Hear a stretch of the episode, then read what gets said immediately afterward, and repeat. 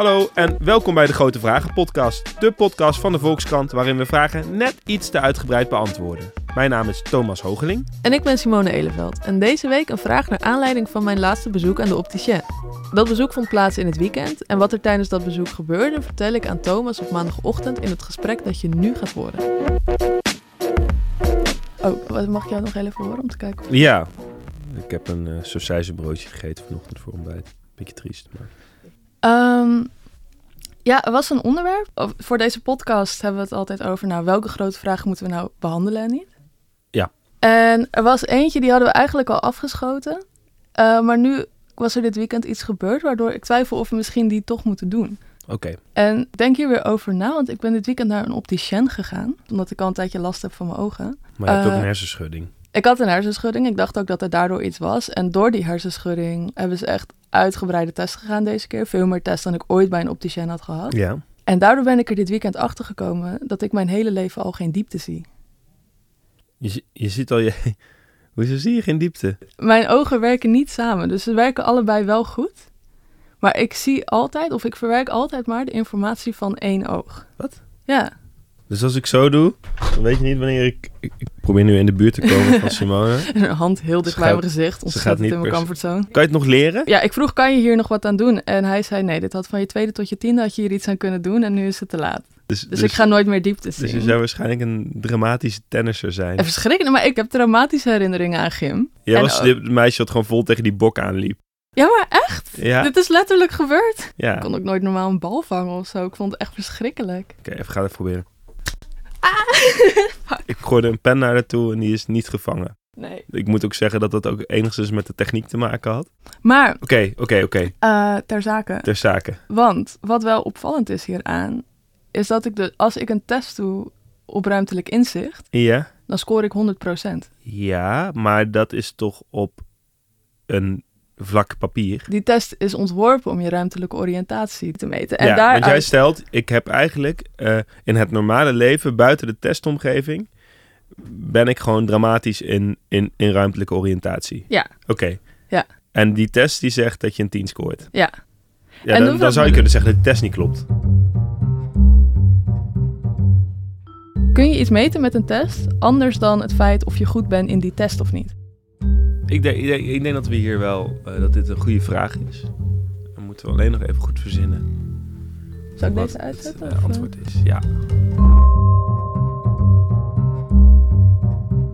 Dat is natuurlijk wel een erg grote vraag, want er bestaan oneindig veel testen en onderzoeken. Maar we hebben het dus over tests zoals Simone heeft gedaan, schriftelijke tests. Hoe kun je nou op een stuk papier testen hoe iemand functioneert in de echte wereld?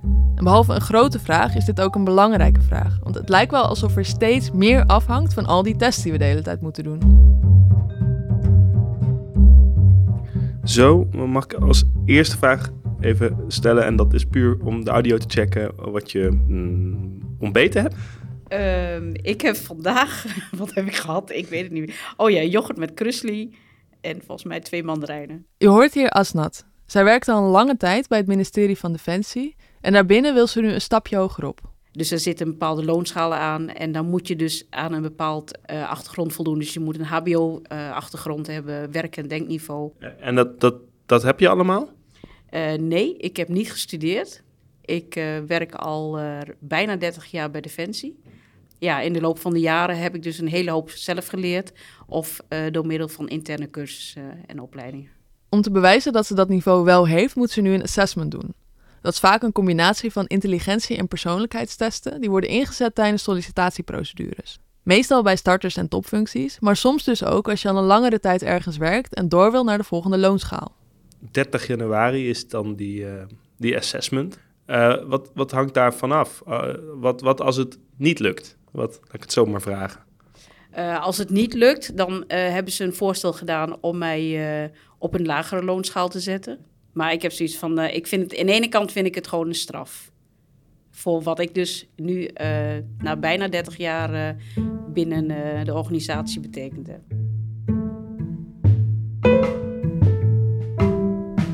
Als Asnat de test niet haalt, overweegt ze ergens anders te gaan werken. En die kans is best aanwezig, want een eerdere test heeft ze niet gehaald.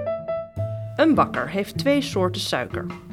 Hij heeft 60 kilo suiker van 1 euro per kilo. Daarom zijn we nu op bezoek bij Assessment Coaching Nederland. Bij coach en psycholoog Nicolien Hermans. En hij heeft 40 kilo suiker van 4 euro per kilo. Ze oefent met Asnat op rekenen. Het onderdeel waar het de vorige keer bij misliep. Als hij deze twee soorten door elkaar mengt, wat wordt dan de prijs per kilo suiker? Hoe is je gevoel dan? Ben je dan uh, gefocust? Ben je rustig? Ben je gespannen? Hoe, hoe voel je je dan als je dit aan het maken bent? Ik ben dan zo onrustig en denk van... Nee, ik weet god niet waar ik het vandaan moet halen. Echt niet. Er zijn er nee. bepaalde gedachten die dan door je hoofd gaan? Ja, had ik maar een reekmachine. Precies deze gedachten is waarom Nicolien dit bedrijf oprichtte. Voordat ze werkte als coach was ze namelijk degene die de assessments afnam. En het viel haar op dat regelmatig mensen die alle kwaliteiten lijken te bezitten voor een baan, die test niet haalden. Ik vond het eigenlijk merkwaardig om te merken dat dat toch wel voorkwam. Terwijl je zou denken dat een assessment zodanig in elkaar zit dat dat eigenlijk niet kan. En dat iemand altijd, hè, dat je altijd een adequaat beeld krijgt van wat iemand in huis heeft. En in principe is dat ook zo. Uit onderzoek naar onderzoek blijkt dat zo'n test veel beter is in het voorspellen van iemands geschiktheid voor een baan dan sollicitatiegesprekken. En dat komt onder andere doordat zo'n test geen last heeft van vooroordelen. En dus wordt niet, bewust of onbewust, gekozen voor de sympathiek ogende blanke man met de juiste stropdas. Eigenlijk is het dus eerlijker. Gelijke monniken, gelijke kappen. Hoe goed je de test maakt, dat is doorslaggevend. Maar dat maakt zo'n test ook stressvol. Niet alleen voor de kandidaten, maar ook voor de psycholoog die hem afneemt. Op het moment dat je echt een assessment afneemt in een sollicitatieprocedure en er wordt jou gevraagd als assessmentpsycholoog om een uitspraak te doen, dan zul je daar een bepaalde voorzichtigheid uh, bij betrachten, omdat het uiteindelijk voor een opdrachtgever heel veel vervelender is als jij zegt, ja, deze persoon is denk ik wel geschikt en dat blijkt in de praktijk niet zo te zijn. Maar daarmee bestaat wel een risico dat je natuurlijk negatief adviseert, terwijl iemand in de praktijk het misschien toch wel goed had kunnen doen. Voor de ideale, perfecte kandidaat is zo'n test dus een uitkomst. Maar alle gelijkgeschikte mensen die net iets minder presteren op de test, vallen in dit stadium af.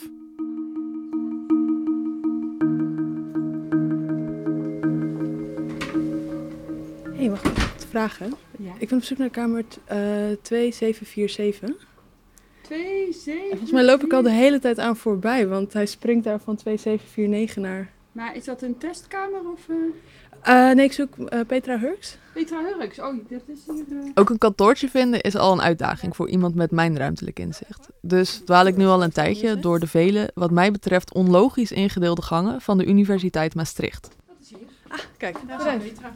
Fantastisch. Ik begon me al af te oh, vragen of het helemaal goed ging. Hi. Hi. Petra. Op zoek naar Petra Hurks, neuropsycholoog en voorzitter van de Commissie Testaangelegenheden Nederland. Ja, ja, ik doe twee dingen. Ik maak enerzijds testen en anderzijds uh, kijken we ook naar de kwaliteit van tests.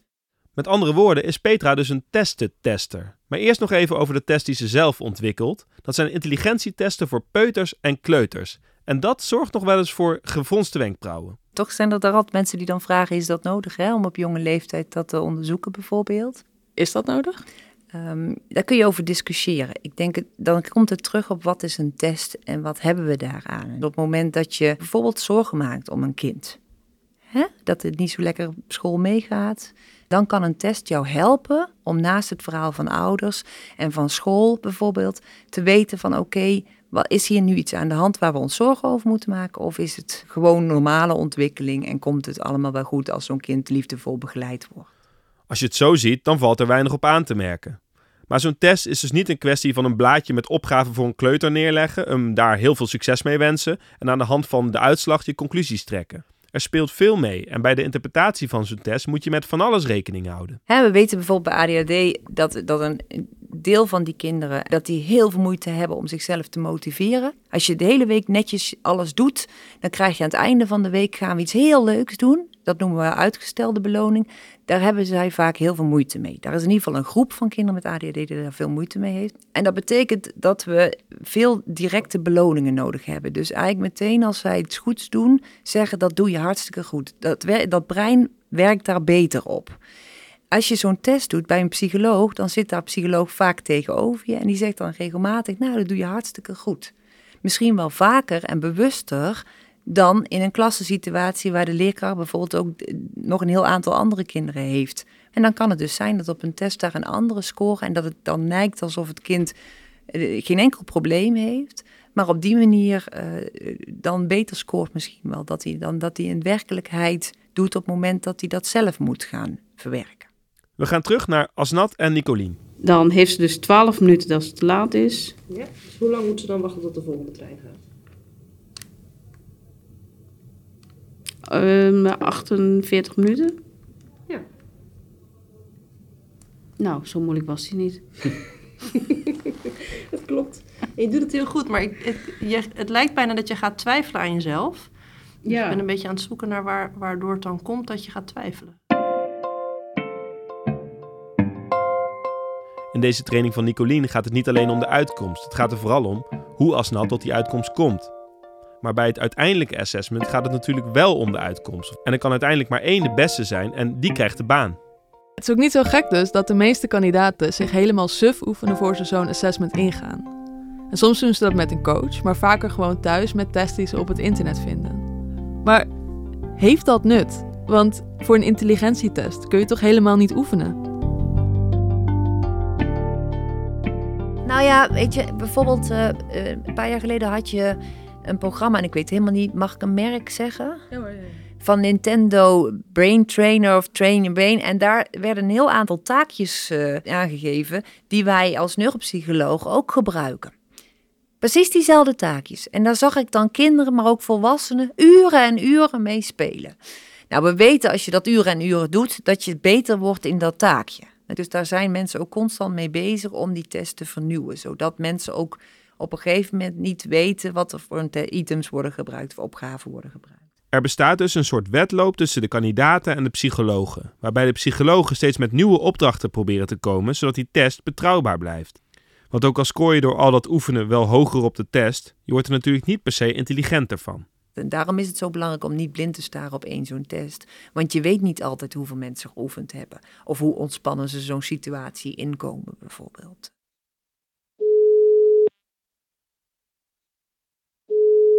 Hi Simone. Hi, Ja, met Jeroen Lutters. Ja, ik wist niet wie, wie zou bellen. aan de lijn dus Jeroen Lutters. En wij bellen omdat ik nog steeds een beetje in de spagaat zit. Want aan de ene kant, ja, die testen hebben een hoop haken en ogen. Maar als het gaat om het inschatten van kandidaten, zijn testen alsnog een stuk betrouwbaarder dan alleen sollicitatiegesprekken. Maar er wringt ook iets in al die testen. En Jeroen die weet goed te beschrijven wat precies. Het gaat er eigenlijk over, weerspiegelt er eigenlijk de uitkomsten van een onderzoek überhaupt de werkelijkheid? Dus de verhouding tussen werkelijkheid en datgene wat op papier in eh, formats verschijnt. Kan dat ooit overeenkomen of niet? Ja. ja, al die tests geven een soort gevoel van, is dit nou alles? Kan iemand met al zijn kwaliteiten, en dus niet alleen intelligentie, maar ook doorzettingsvermogen, creativiteit, betrouwbaarheid, kan dat ooit volledig weerspiegeld worden in zo'n test? En als dat bijvoorbeeld al lastig is in een situatie waarin een psycholoog hulp wil bieden aan een kind, is dat dan überhaupt mogelijk in een situatie die meer weggeeft van een afvalrace? Wij denken dan, nou, misschien moeten we dan maar iets minder leunen op al die test. Maar Jeroen ziet dat anders. Hij wil juist meer gaan testen. Zo heeft hij samen met Hogeschool Artes een missie om creativiteit meetbaar te maken. Ik heb een hypothese dat er ongeveer 20 tot 30 mi- procent mensen rondlopen in het MBO, die als je creatieve indicatoren gaat meten, op een wetenschappelijk niveau zitten. Alleen een creatief wetenschappelijk niveau. En de andere kant is dat ik best de hypothese durf aan te hangen dat er op universiteiten 30% mens, mensen rondlopen die als je creatieve indicatoren zou gebruiken, eigenlijk op het MBO thuis horen. Dus als het lukt om creativiteit meetbaar te maken, dan zou ons onderwijs er wel eens heel anders uit kunnen gaan zien. Om te beginnen experimenteerde Jeroen met een aantal schriftelijke testen. En er was meteen iets heel opvallends wat er gebeurde. Iedereen vond het ongelooflijk slaapverwekkend om die test in te vullen. En wij dachten zelf, ja, god, het is toch eigenlijk helemaal niet zo'n onlogische gedachte dat als je creativiteit wil meten, dat mensen ook in hun creativiteit geappelleerd moeten voelen op het moment dat je het gaat meten. Volgens Jeroen zijn schriftelijke testen dus niet toereikend. Maar hoe meet je dit soort eigenschappen dan wel? Nou, bijvoorbeeld door een virtual reality ruimte te maken die proefpersonen kunnen onderzoeken en waarin ze zelf dingen kunnen maken. En op basis van hoe iemand dat aanpakt kun je de eigenschappen onderzoeken die volgens Jeroen typerend zijn voor creatievelingen. Bijvoorbeeld, hoe gaat iemand om met afleiding? Nou, dat kan je dus testen. De ene die gaat eraan voorbij en die loopt door op een gepland doel af. De andere die gaat een zijweg in, omdat hij daar een juiste mogelijkheid ziet. Daarop kan hij scoren. Want wat is het nou net van heel veel creatieve mensen, die worden eigenlijk voortdurend afgeleid door dingen die in hun omgeving gebeuren, omdat die juist zo spannend zijn voor het ontwikkelen van een nieuw product. Bijvoorbeeld ondernemers zijn ook vaak creatieve mensen. Dat zijn de mensen waarvan we nu in Nederland zeggen dat het de snelst groeiende industrie is. Maar in de opleidingen komen die mensen nauwelijks een opleiding door vaak, omdat opleidingen daar niet op toegesneden zijn. Nee, ik weet wel uit eigen ervaring dat je constant laten afleiden niet echt wordt gewaardeerd op je studie. Wat het wel goed doet op opleidingen, instructies opvolgen. Tot het juiste antwoord proberen te komen. Maar in de virtual reality wereld van Jeroen scoor je juist punten als je het fijn vindt om geen duidelijke instructies te hebben, geen duidelijk doel en gewoon je eigen plan te trekken. Het lijkt alsof creativiteit zoals Jeroen dat beschrijft het tegenovergestelde is van waarop nu vooral in het onderwijs wordt getest.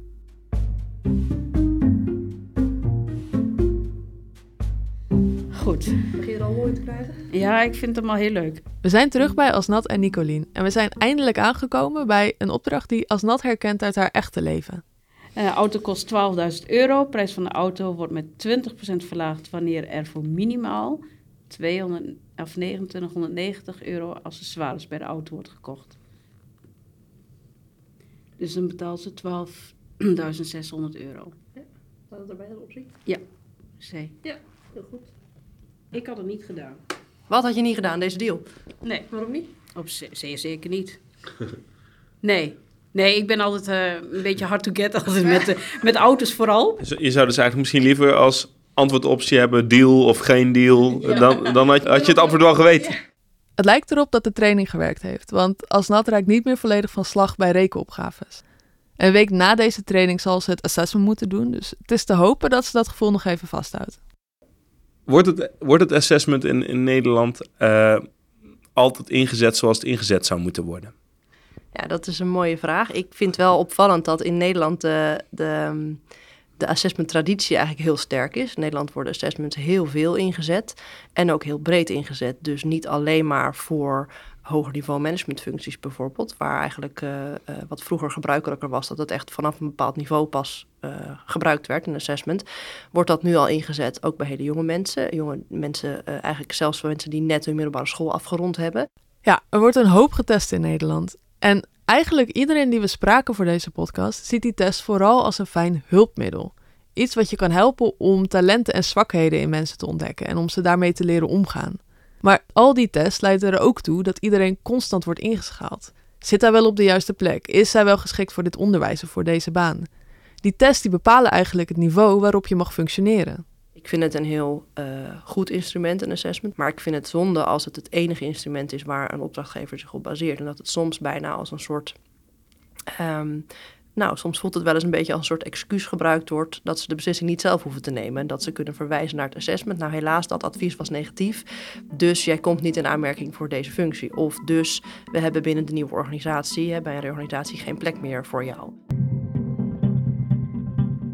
En daarom worden die tests ook vaak niet gezien als een hulpmiddel, maar juist iets waarin je kan slagen of falen. En vind je het gek als bij de verkeerde uitslag je niet hulp krijgt aangeboden, maar de mogelijkheden juist van je worden afgepakt? Het gebeurt dus ook wel dat bedrijven denken, nou, er werken hier nu 50 mensen, we kunnen ook wel met 40 af. Laten we eens even een intelligentietest tegenaan gooien, misschien dat er 10 afvallen. Eh, ja, ik hoop dat ze dat iets genuanceerder doen dan dat. Dus dat er dan breder gekeken wordt dan alleen intelligentie bijvoorbeeld. Maar het komt inderdaad voor dat bij een reorganisatie mensen eigenlijk een soort van moeten solliciteren op hun, eh, op hun eigen functie. Die dan vaak zwaarder wordt of een andere naam krijgt. En dat er dan inderdaad aan mensen gevraagd wordt om een assessment te doen. eh, als onderdeel van hè, de totale beslissing van wie gaan we op welke plek uiteindelijk neerzetten. Asnat heeft inmiddels haar assessment gedaan en ik ben natuurlijk benieuwd hoe dat is gegaan. Met Asnat, goedemorgen. Goedemorgen Asnat, met eh, Thomas. Hey Thomas, hallo. Hallo. Laat ik maar gelijk vragen, heb je het gehaald? Nee. Ah, wat jammer. Ja, ik, ik heb dan toch alweer een blok daarvoor blijkbaar. Ja, Op een of andere manier, ik weet niet precies hoe ik het uit moet leggen, maar eh, dan, is van, dan denk ik dat ik er goed aan doe. Maar dan word ik weer afgeleid door allerlei andere dingen, geloof ik. Ik weet het niet. Ja, En aan de andere kant denk ik van, oké, als ik niet goed scoor, dan eh, prima. En ze geven me geen baan, dan ga ik gewoon weg. Dan eh, doe ik echt wel wat anders. Maar ja, dat, dat speelt het blijkbaar toch mee eigenlijk. en, en heb je wel het gevoel dat je iets aan die training hebt gehad? Ja, dat sowieso wel. Want ehm, ik ben wel gewoon wat, eh, wat makkelijker ook gewoon door allerlei testjes heen gegaan. Want ik heb dus gewoon op de site heb ik weer allerlei testen gemaakt. En dan ging het ook veel makkelijker eigenlijk. Maar ja, dan zit je toch in die andere omgeving en dan, eh, ja, dan gaat het weer mis. Ja, en hoe, hoe gaat het nu verder met je baan? Nou, ik ehm, heb dus eh, met mijn leidinggevende erover gesproken. En ik zeg van, nou ja, goed, wat wil je dan? Nou, zij gaat ze in ieder geval eh, hard maken dat ik gewoon voor die functie, eh, dat ik op die functie gezet word. En eh, dat ik gewoon mijn werk gewoon kan blijven doen. Ja. Dus ehm, in principe krijg ik de baan wel. Alleen moet het nu nog op papier komen. Oké, nou ja, ik, ik hoop voor je dat het dan allemaal goed komt en dat, dat ze het ook van hoge rand goedkeuren en dat je lekker verder kan binnen Defensie. Ja, nou, maar dat sowieso wel hoor. Dus ik ben daar niet bang voor. Nou, gelukkig maar. Ja, ja. hey, hey, dankjewel dat ik mee mocht kijken en dat ik je nog even mocht bellen. Ja, jij ook bedankt. Oké, doei. Oké, dag hoor.